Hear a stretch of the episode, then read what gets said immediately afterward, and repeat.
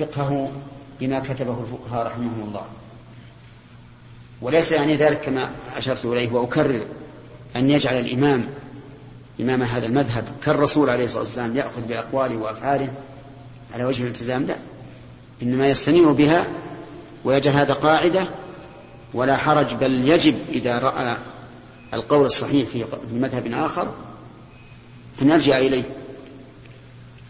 والغالب في مذهب الإمام أحمد أنه لا تكاد ترى مذهبا من المذاهب إلا وهو قول قول للإمام أحمد.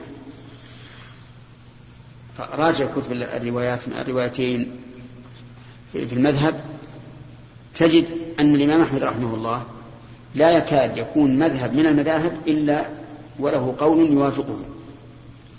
وذلك لأنه رحمه الله واسع الاطلاع ورجاع للحق أينما كان رجاع للحق أينما كان حتى إنه رحمه الله أحيانا يصرح بأنه يقلد الشافعي ويقول إنه إمام. فلذلك أرى أن الإنسان يركز على شيء معين من المذاهب التي يختارها وأحسن المذاهب فيما نعلم من حيث الاتباع اتباع السنة مذهب الإمام أحمد رحمه الله. وإن كان غيره قد يكون أقرب إلى السنة منه في بعض المسائل.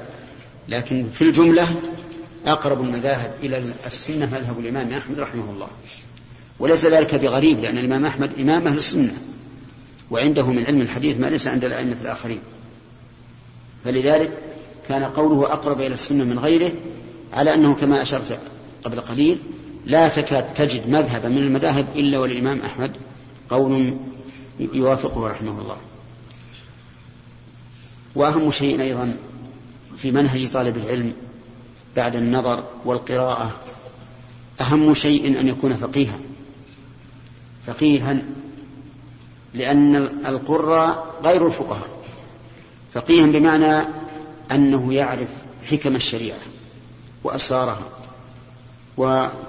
ومغزاها وأن يطبق ما علمه منها تطبيقا حقيقيا. بقدر ما يستطيع. لا يكلف الله نفسا إلا وسعها لكن يحرص على التطبيق بقدر ما يستطيع. وأنا أكرر عليكم دائما هذه النقطة التطبيق سواء في العبادات أو في الأخلاق أو في المعاملات. طبق حتى يعرف أنك طالب علم. لو قلت لكم إذا مر أحدكم بأخيه هل يشرع أن نسلم عليه؟ إيش تقولون؟ يشرع. ولكني أرى كثيرا منكم يمر بإخوانه وكأنما مر بعمود.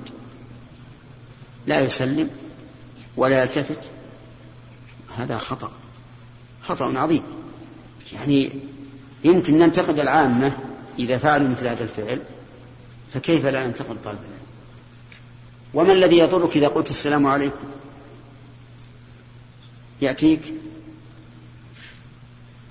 كم من ريال؟ عشر حسنات. تساوي الدنيا كلها. عشر حسنات. لو قيل للناس كل كل من مر بأخيه وسلم عليه سيدفع له ريال. لو وجدت الناس في الأسواق يدورون من يسلمون عليه. نعم؟ لأنه سيحصل على ريال. لكن عشر حسنات باقية. تجدها في وقت أحوج ما تكون إليها ثم تفرط فيها. وفائدة أخرى المحبة والإلفة بين الناس. والمحبة والإلفة كما تعلمون جاءت النصوص الكثيرة بإثباتها وتمكينها وترسيخها والنهي عما يضادها. وتعرفون المسائل مسائل الأفراد الكثيرة في منعها لأنها تضاد العلفة كالبيع على بيع المسلم والخطبة على خطبته وما أشبه ذلك. كل هذا دفعا للعداوة والبغضاء وجلبا للإلفة والمحبة. وفيها أيضا تحقيق الإيمان. والله لا تدخلوا الجنة حتى تؤمنوا ولا تؤمنوا حتى تحابوا. هو معلوم أن كل واحد منا يحب أن يصل إلى درجة يتحقق فيها الإيمان له. لأن أعمالنا البدنية قليلة وضعيفة هزيلة حتى لو صلينا ولو صمنا ولو تصدقنا فهي هزيلة. الصلاة تمضي يمضي أكثرها ونحن إيش؟ ندبر شؤون أخرى. الصيام كذلك. يمكن الإنسان يصوم بس ما يحب إلا ينام عشان يمشي الوقت. الصدقة الله أعلم بك به فأعمالنا وإن فعلناها فهي هزيلة. نحتاج إلى تقوية الإيمان.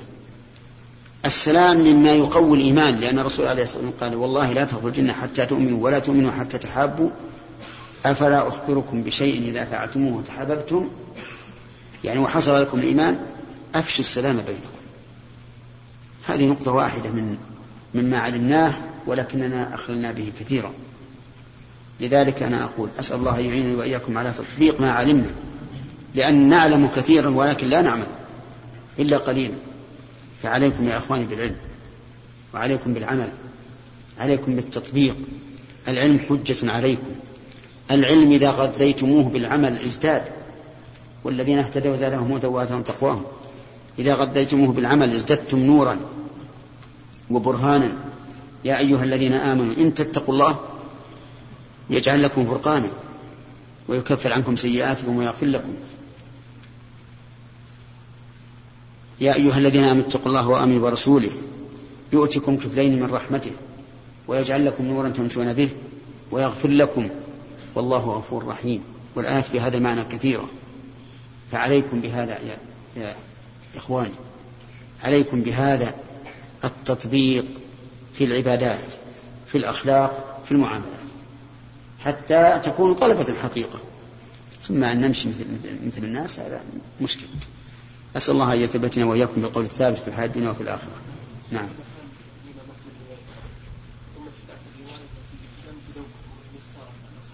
نعم.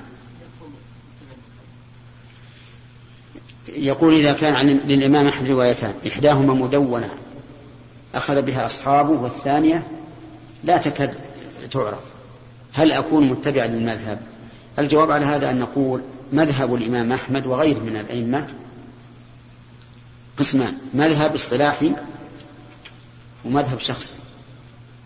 فأنت تكون متبعا له شخصيا إذا أخذت برواية من الروايات الواردة عنه. ولك ولكنك لست آخذا بالمذهب المصطلح عليه. إذا كان يخالف المصطلح عليه. والمذهب المصطلح عليه أحيانا ينص الإمام أحمد على أنه رجع عنه وعلى أنه لا يقول به. لكن لكل أناس من أصحاب المذاهب طريقة يمشون عليها. نعم. يذكر عن ابن الوزير رحمه الله أنه قال إن الصحابي الجليل ابو بكر رضي الله عنه وعمر لم يحفظ القران الكريم وكذلك نقل عن بعض الائمه كعثمان بن ابي شيبه على جلاله قدره انه لم يحفظ القران فمثل الأشياء التي تدعو بعض الناس إلى ترك حفظ الكتاب. هل هذه يعني يستقيم هذا صواب؟ أنا أستبعد غاية البعد.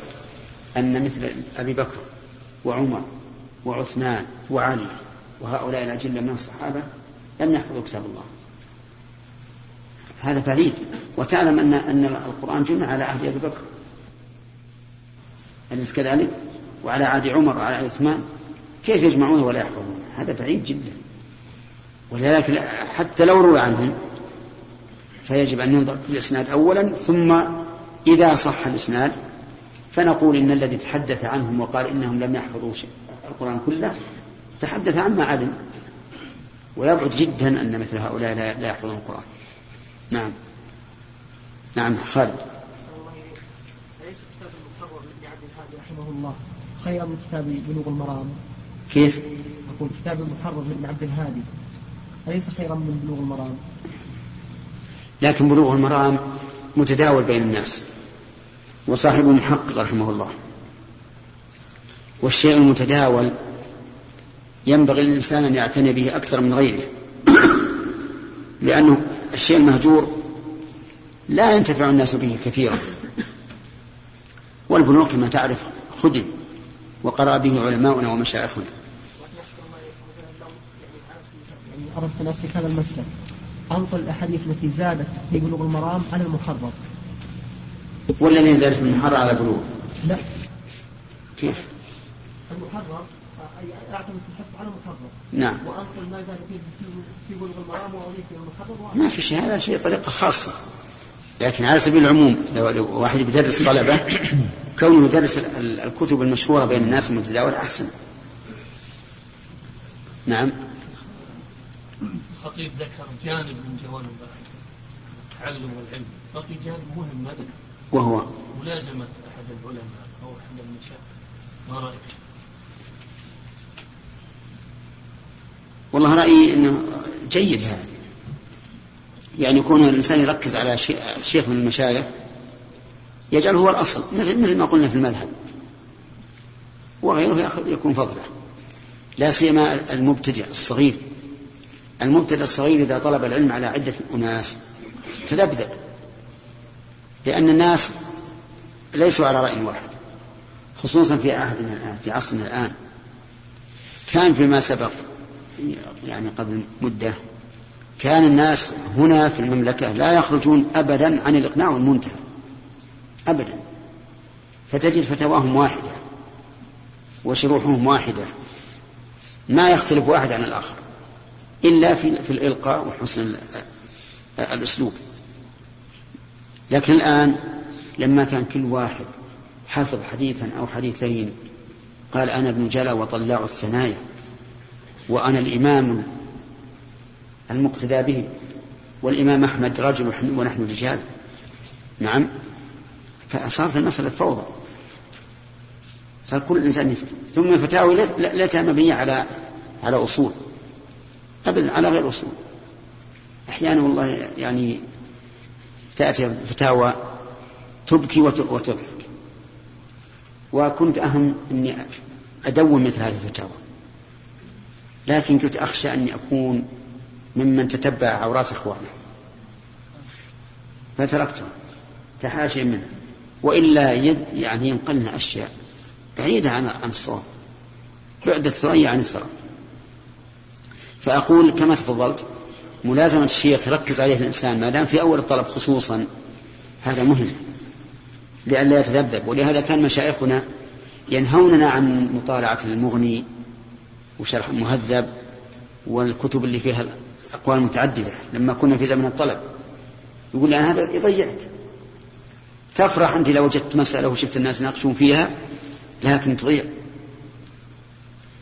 وذكر بعض مشايخنا أن الشيخ عبد الله بن عبد الرحمن بابطين رحمه الله وهو من أكبر مشايخ نجد حتى يسمى مفتي الديار النجدية. ذكروا أنه كان مكبا على الروض المربع لا يطالع إلا هو أو إلا إياه على الأصح.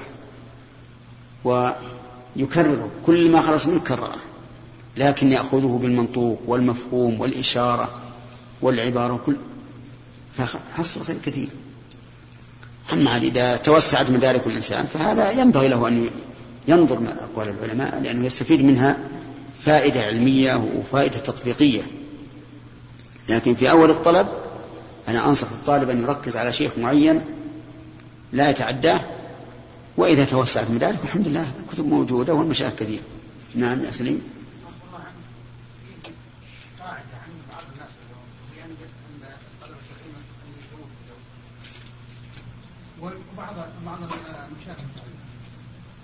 فيها مسألة من الفرعية تصير فيها هدر ويصير فيها معادة ويصير فيها أخذ ورد وتيجي مسألة. في أركان الإسلام ولا مسألة في أصول من أصول الدين؟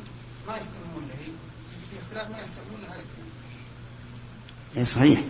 مثل مثل الحين جلسة الاستراحة جاء فيها هجر وجاء فيها قطع قطع ارحام وجاء فيها تكبير يقولون تكفير وجاء فيها وجاء فيها الحين ومثل الصلاة اللي اللي مثل المسألة اللي مرت علينا سبحان الله العظيم ما تقول إنها مرت على شيء ترك الصلاة. اي نعم.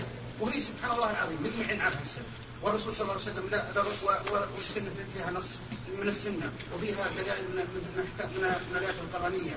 وفيها كلام أبو بكر رضي الله عنه وأرضاه. يقول والله لو منعوني عقاب لا لا لا لا لقتلتم عليه. كيف هذا الصلاة يسأل الله العفو والعافية وجلسة الاستراحة وش وش موضوعها من الصلاة؟ هذا صحيح. أنا أوافق الأخ سليم في أن بعض الناس يجعلون الولاء والبراءة مقيد بمسألة فرعية. يتولى الشخص لأنه وافقه في هذا ويتبرأ منه لأنه خالفه فيها وهي مسألة فرعية. وأنا قد ذكرت لكم قصة مرت علينا في منى بين طائفتين من من الأفريقيين. نعم. كل واحد يلعن الثاني ويكفره يقول أنت كافر ملعون ونزاع كثير, كثير. وجاءوا إلى إلى أمين الأمين العام للتوعية في الحج. وهم يتنازعون. فجاء هو فجاء بهم إلي. قال شوف الجماعة وش الحاصل؟ قال هذا الرجل إذا قام في الصلاة يضع يديه على صدره وهذا كفر بالله. أعوذ بالله سبحانه الله السنة كفر؟ وقال الثاني هذا إذا قام يرسل يرسل يديه. وهذا كفر بالله. لأن النبي صلى الله عليه وسلم قال من رغب عن سنتي فليس مني. وعلى هذا يكفر بعضكم بعض. اتقوا الله. مع الكلام وهذا هذه مسألة السنة. ومسألة ما هي واجبة ولا ركن ولا شرط للصحة. ويا الله بالزت والزتيت يا الله اقتنعوا أمامنا والله أعلم بما وراء ذلك. فهذا كما قال الأخ الحقيقة أنه مشكلة. يعني الآن تجد بعض الإخوان مع الأسف يرد على إخوانه أكثر مما يرد على الملحدين اللي هم ملحدين صريح. نعم. يعاديه أكثر مما يعاده هؤلاء. ويشهر به في, في كلام لا أصل له ولا حقيقة له. لكن حسد وبغي. ولا شك أن الحسد من أخلاق من؟ اليهود. أخبث عباد الله. ثم الحسد لا يستفيد منه الحاسد إطلاقا. بل لا يزيده إلا غما وحسرة وحرقان. ابغ الخير للغير يحصل لك الخير. واعلم أن فضل الله يؤتيه من يشاء. لو حسدت ما تقدر تمنع فضل الله. ربما تمنع فضل الله عليك بمحبتك لزوال فضل الله على غيرك وكراهتك نعمة الله على غيرك. فتجد بعض الأخوة عندهم حسد. وأنا أظن أن الحاسد في, في خصوصا طالب العلم أنا أشك في نيته. أو في إخلاصه في طلب العلم. لأنه إنما حسد لكون الثاني صار له جاه عند الناس وصل له كلمة والتف الناس حوله فحسده إذا معناه أنك تريد الدنيا. لو كنت تريد الآخرة حقا تريد العلم حقا لكنت تسأل عن هذا الرجل الذي التف الناس حوله. وأخذوا بقوله. تسأل. عن علمه لتكون مثل الناس أيضا. تجي أنت الأمور تستفيد منه. أما أن تحسده وتشوه سمعته وتذكر فيه من العيوب ما ليس فيه فهذا لا شك أنه بغي وعدوان وخصلة ذميمة ثم كما قال الأخ سليم أنا أسمع يعني فيه هنا في القصيم وغير القصيم. من يتعادون ويتبرأ كل واحد من الآخر مع أنهم كلهم أهل سنة وكلهم يحبون الخير فيما أظهر. لكن الشيطان والعياذ بالله فرق بينهم بهذا. والصحابة رضي الله عنهم هل اتفقوا على كل شيء؟ اختلفوا. من أول ما من حياة الرسول عليه الصلاة والسلام وهم يختلفون وبعد موته. اختلفوا هل يغسل هل يجرد عند التغسيل؟ اختلفوا هل يدفن في أي, في أي مكان يدفن؟ اختلفوا بالخليفة من بعده. واستقر الرأي على ما فيه الخير. ولم يعادي أحد الآخر ولم يتبرأ منه. واختلفوا في مسائل كثيرة في الفروع. ولم يتعادوا. اختلفوا حتى في الأصول. ابن عباس يرى أن أن النبي صلى الله عليه وسلم رأى ربه وعائشة تنكر هذا إنكارا عظيما. ومع ذلك لم يتبرأ أحد من الآخر ولم يكره ولم يبغضه لكن نحن نحن في الحقيقة خلف خلف. نسأل الله أن يعصمنا وإياكم. مثلا اذا راى واحد من طلبه العلم وما وصلوا مثلا إلى درجه الشيء حديثا صحيحا مخالفا مع قول المذهب.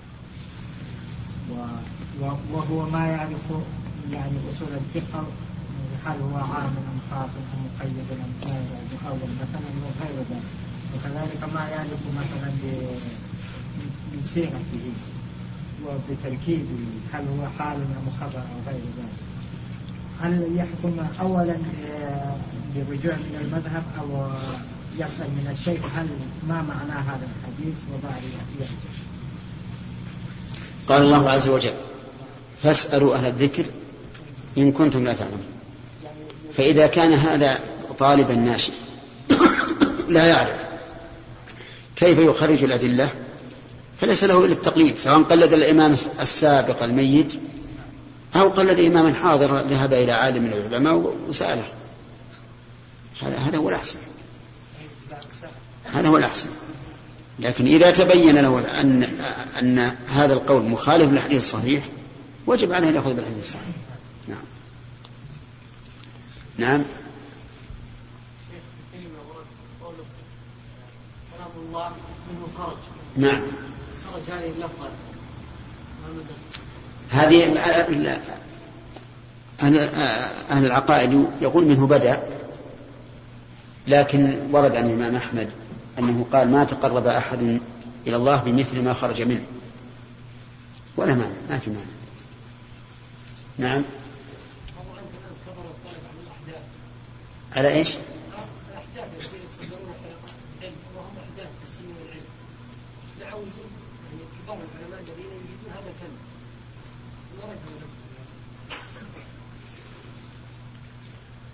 والله اللي أرى أن الإنسان ينبغي له أن يطلب العلم على على عالم ناضج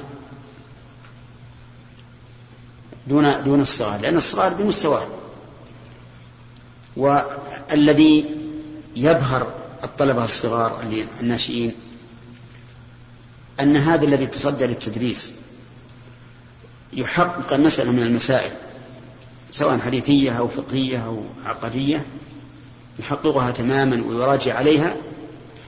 فإذا سمعه الصغير الناشئ ظن أنه إيش؟ من أكابر العلماء.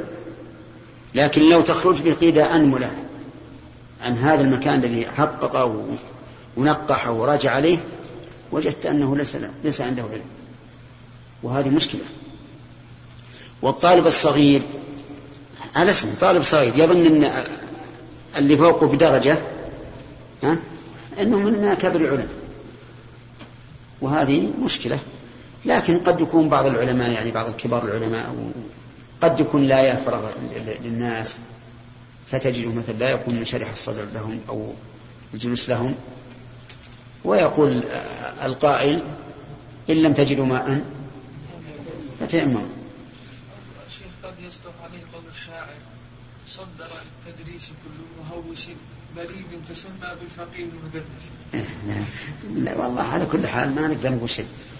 إنما التعجل في قاعدة فقهية يقول من تعجل شيئا قبل أوامه عوقب بحرمانه. و ونحن نقول للإنسان اصبر الإمامة إن كنت على نية خالصة متبعة للطريقة السليمة فستحصل لك مثل ما حصلت لغيرك. انتظر شوي لا تتعجل. نعم؟ ثقيلة. اي ما في شك. نعم. قلة الهمة في طلب العلم ما هو العلاج؟ هذا عاد هو البلاء. قلة الهمة في طلب العلم ما هو العلاج؟ نعم. بسم الله الرحمن الرحيم. قال البخاري رحمه الله تعالى باب كيف الأمر إذا لم تكن جماعة. حدثنا محمد بن المثنى قال حدثنا الوليد بن مسلم قال حدثنا ابن جابر قال حدثني بس بن عبيد الله الحضرمي أنه سمع أبا إدريس الخولاني أنه سمع حذيفة بن اليمان يقول كان الناس يسألون رسول الله صلى الله عليه وسلم عن الخير وكنت أسأله عن الشر مخافة أن يدركني فقلت يا رسول الله إنا كنا في جاهلية وشر فجاءنا الله بهذا الخير فهل بعد هذا الخير من شر؟ قال نعم قلت وهل بعد ذلك الشر من خير؟ قال نعم وفيه دخن. قلت وما دخنه؟ قال قوم يهدون بغير هدي تعرف منهم وتنكر. قلت فهل بعد ذلك الخير من شر؟ قال نعم دعاة على أبواب جهنم. من أجابهم إليها قذفوه فيها. قلت يا رسول الله صفهم لنا. قال هم من جلدتنا ويتكلمون بألسنتنا. قلت فما تأمرني إن أدركني ذلك؟ قال تلزم جماعة المسلمين وإمامهم. قلت فإن لم يكن لهم جماعة ولا إمام قال فاعتزل تلك الفرق كلها ولو أن تعض بأصل شجرة حتى يدركك الموت وأنت على ذلك. اللهم صل وسلم وسلم. هذا حديث عظيم. حديث حذيفة بن اليمان صاحب السر. الذي أسر إليه النبي صلى الله عليه وسلم أسماء بعض المنافقين. وكان وكان يلقب بذلك فيقال صاحب السر صاحب سر رسول الله صلى الله عليه وآله وسلم. وكان عمر رضي الله عنه يناشده الله يقول أنشدك الله هل سماني لك رسول الله صلى الله عليه وسلم؟ مع من سمى من المنافقين. هذا وهو عمر رضي الله عنه. لكن لا يخاف النفاق إلا مؤمن ولا يأمن النفاق إلا منافق كما قاله بعض السلف. كان رضي الله عنه ذا حزم فكان الناس يسألون النبي صلى الله عليه وآله وسلم عن الخير. ليعمل ليعملوا به. لكنه كان يسأله عن الشر ليستعد له. مخافة أن يدركه ذلك اليوم. فبين أنهم كانوا في جاهلية وشر ثم من الله عليهم بالإسلام. فيؤخذ من هذا أن تحدث الإنسان عن ماضيه. على سبيل العموم. وإخباره بعد ذلك بما آلت إليه الحال لا بأس به. لا بأس أن يقول كان الناس في جهل كان الناس في إعواز في إعواز كان الناس في كذا من, من, من أمور الشر. ثم يقول حتى جاء الله بالعلم وبالصحوة وما أشبه ذلك. لكن هل يقول هذا على سبيل الخصوص؟ بمعنى أنه يحدث به عن نفسه فيقول كنت فاسقا كنت أغازل النساء كنت أشرب الخمر كنت مع السفهاء حتى من الله علي فالتزمت. نقول هذا محل تفصيل. إن كان الإنسان قاله على سبيل الفخر والإعجاب بالنفس فلا شك أنه حرام. وإن قاله على سبيل التحدث بنعمة الله فهذا طيب. لأن الله قال لنبيه ألم يجدك يتيما فآوى ووجدك ضالا فهدى ووجدك عائلا فأغنى. فأما اليتيم فلا تقهر وأما السائل فلا تنهر وأما بنعمة ربك فحدث. أي بما أنعم الله عليه.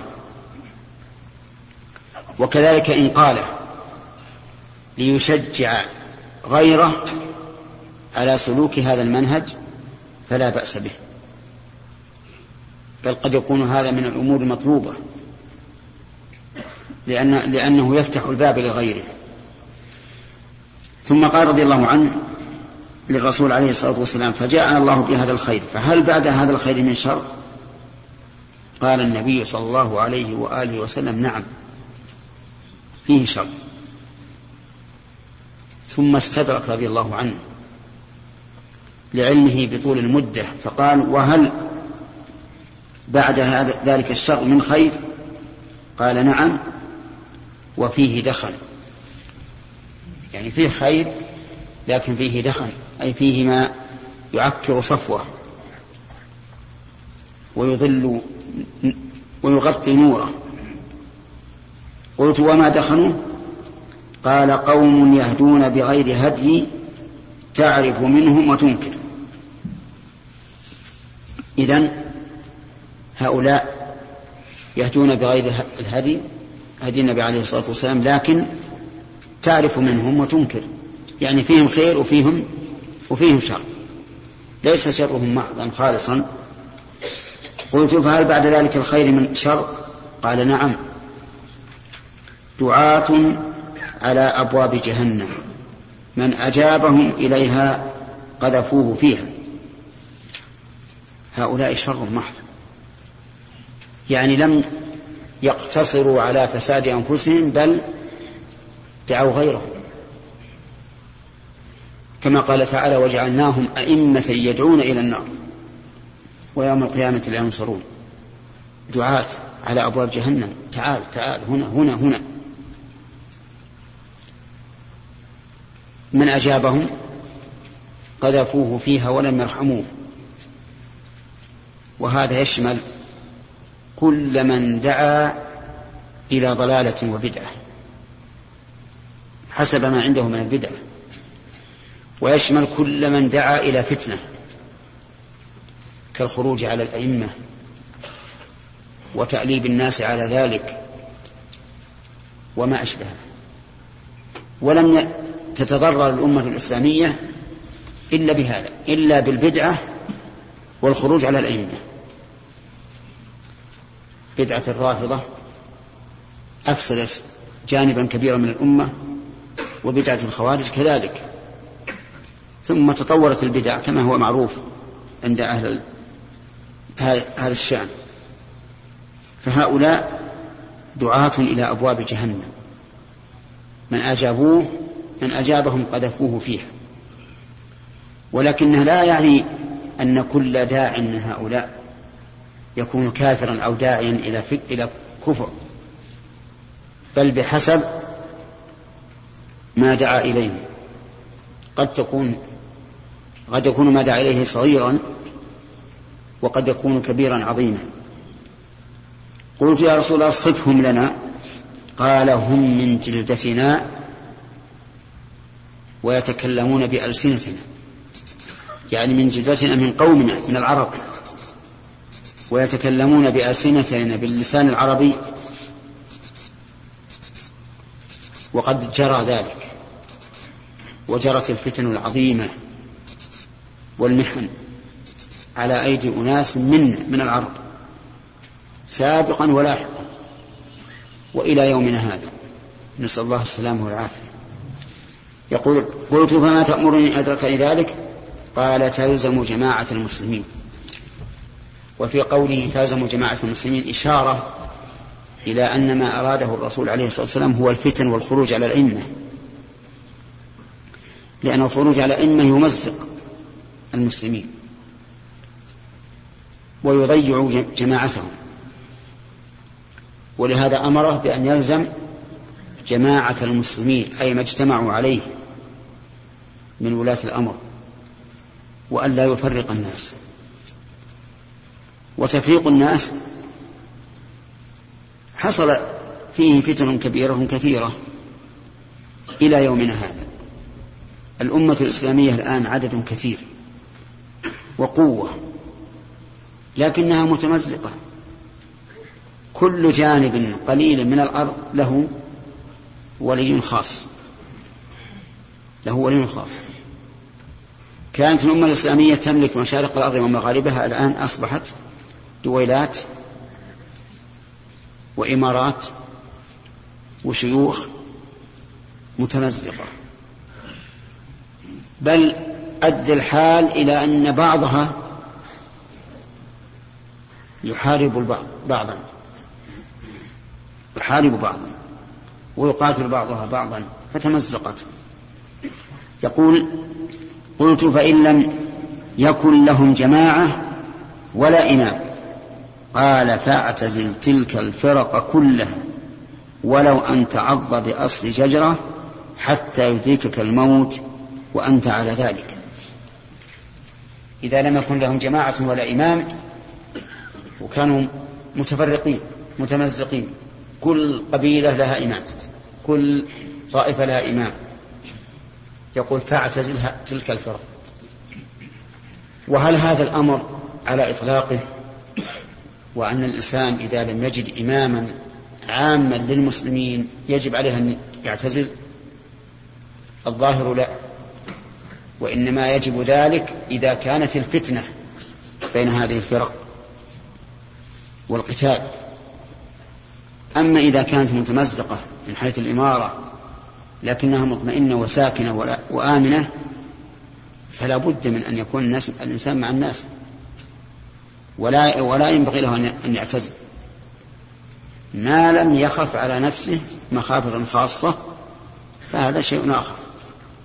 وعلى هذا فقول اعتزل تلك الفرق ليس على إطلاقه بل إذا كانت هذه الفرق تتنازع وتتناحر لأنك مع من تكون. أما إذا كانت الفرق آمنة فاختر ما ترى أنه أقرب إلى الصواب. إن تمكنت مع أن بالوقت الحاضر الآن ما حد يتمكن. لا أحد يستطيع أن ينتقل من من دولته إلى دولة أخرى. نعم. وتجد بعض الناس يطالب بأن يبقى في هذه الدولة من أهلها له ما عليهم ما لهم وعليهم عليهم ولكن ما يحصل لهم لأمور تتعلق بالحكام قد يكون من ناحية الأمن أو غير ذلك ما نعرف. لكن على كل حال إذا كانت هذه الفرق آمنة ليس فيها تناحر فاختر ما ترى أنه أقرب إلى تحكيم شريعة الله عز وجل إذا تمكنت من ذلك. نعم. هل هو على ظاهره أو عن يعني لو لو بلغتك بك الحال حقيقة إلى هذا فافعل. قد تصل الحال إن الإنسان ما يستطيع أن ينزل للبلد يشتري طعاما وشرابا. نعم. السؤال عن مسألة الانتقال أي نعم. هو إذا كان الإنسان يخشى منها يخشى أن تقع فلا بأس. ها؟ ها؟ نعم نعم. بسم الله الرحمن الرحيم. الحمد لله رب العالمين وصلى الله وسلم على نبينا محمد وعلى آله وأصحابه أجمعين. عودا على بدء في حديث باب إذا التقى المسلمان بسيفيهما. ولفظ الحديث إذا تواجه إذا تواجه المسلمان بسيفيهما. والمعنى واحد. يقول النبي عليه الصلاة والسلام كلاهما من أهل من أهل النار القاتل والمقتول. أما كون القاتل من أهل النار فهذا نص في كتاب الله. قال الله تعالى ومن يقتل مؤمنا متعمدا فجزاؤه جهنم خالدا فيها وغضب الله عليه ولعنه وأعد له عذابا عظيما. وأما كون المقتول في النار فهو مشكل ولهذا قيل فهذا القاتل فما بال المقتول؟ أي ما شأنه؟ قال إنه أراد قتل صاحبه وفي لفظ كان حريصا على قتل صاحبه والحرص يلزم منه الإرادة فجعل النبي عليه الصلاة والسلام إرادة القتل سببا لدخول النار مع أنه لم يفعل ولكن نوى وفعل الأسباب المؤدية إلى الجريمة إلا أنه لم يقتل وهذا نستفيد منه فائدة أن أن من لم يفعل المحرم فإنه ينقسم إلى ثلاثة أقسام. القسم الأول أن أن لا يفعله لله. أن لا يفعله لله.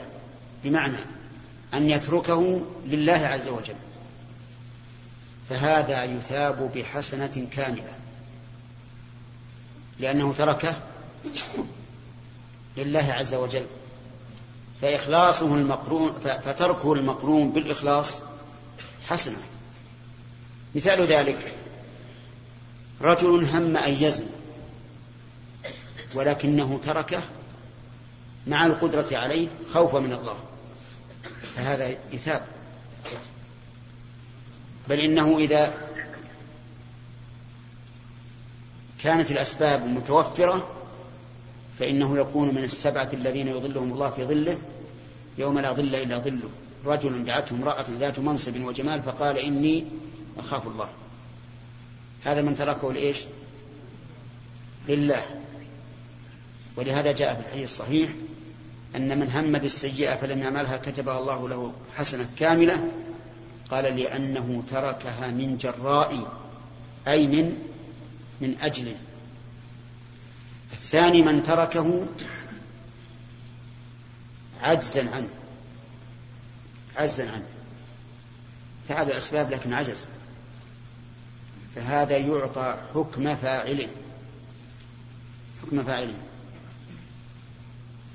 لقوله لقوله صلى الله عليه وسلم هنا القاتل والمقتول في النار. فهو قد فعل الأسباب ولكن عجز. هذا يكون في النار. القسم الثالث من ترك المحرم لأنه لم يطرأ له على بال ليس من أهل الخنا والزنا وشرب الخمر. ولا تطري هذه ولا تطرأ هذه على باله. فهذا لا يثاب ولا يعاقب لكنه سالم. سالم لا غانم ولا غارم. لأن الله تعالى يقول ونضع الموازين القسط ليوم القيامة. والعدل في من ليس منه فعل ولا نية أن لا يكون غانما ولا غارما لا ثواب ولا عقاب. فهذه أحوال أو أقسام من ترك المحرم. طيب فإذا قال قائل هل يكفر القاتل أو المقتول؟ فالجواب لا لا يكفران خلافا للخوارج. ودليل عدم كفرهما قوله تعالى يا أيها الذين آمنوا كتب عليكم القصاص في القتلى إلى قوله فمن عفي له من أخيه شيء. فجعل القاتل عمدا أخا للمقتول. نعم. بسم الله الرحمن نعم. الرحيم.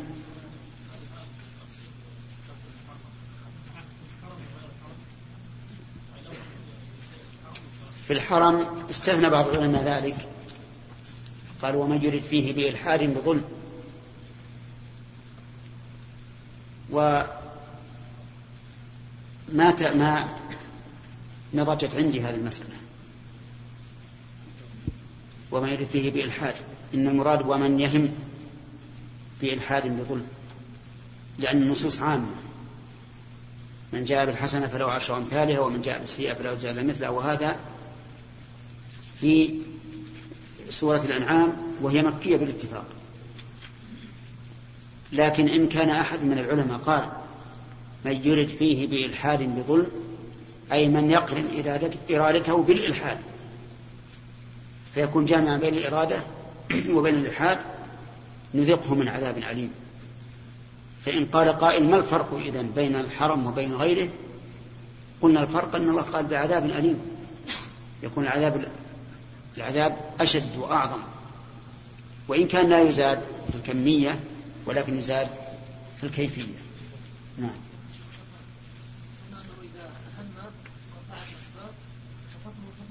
نعم. نعم. لا ما يكون كالفاعل. ما يكون كالفاعل لكن يكون كالفاعل في النية فقط نعم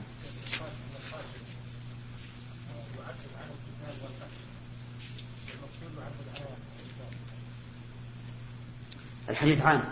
كلاهما في النار. كلاهما في النار. وهذا عز نعم.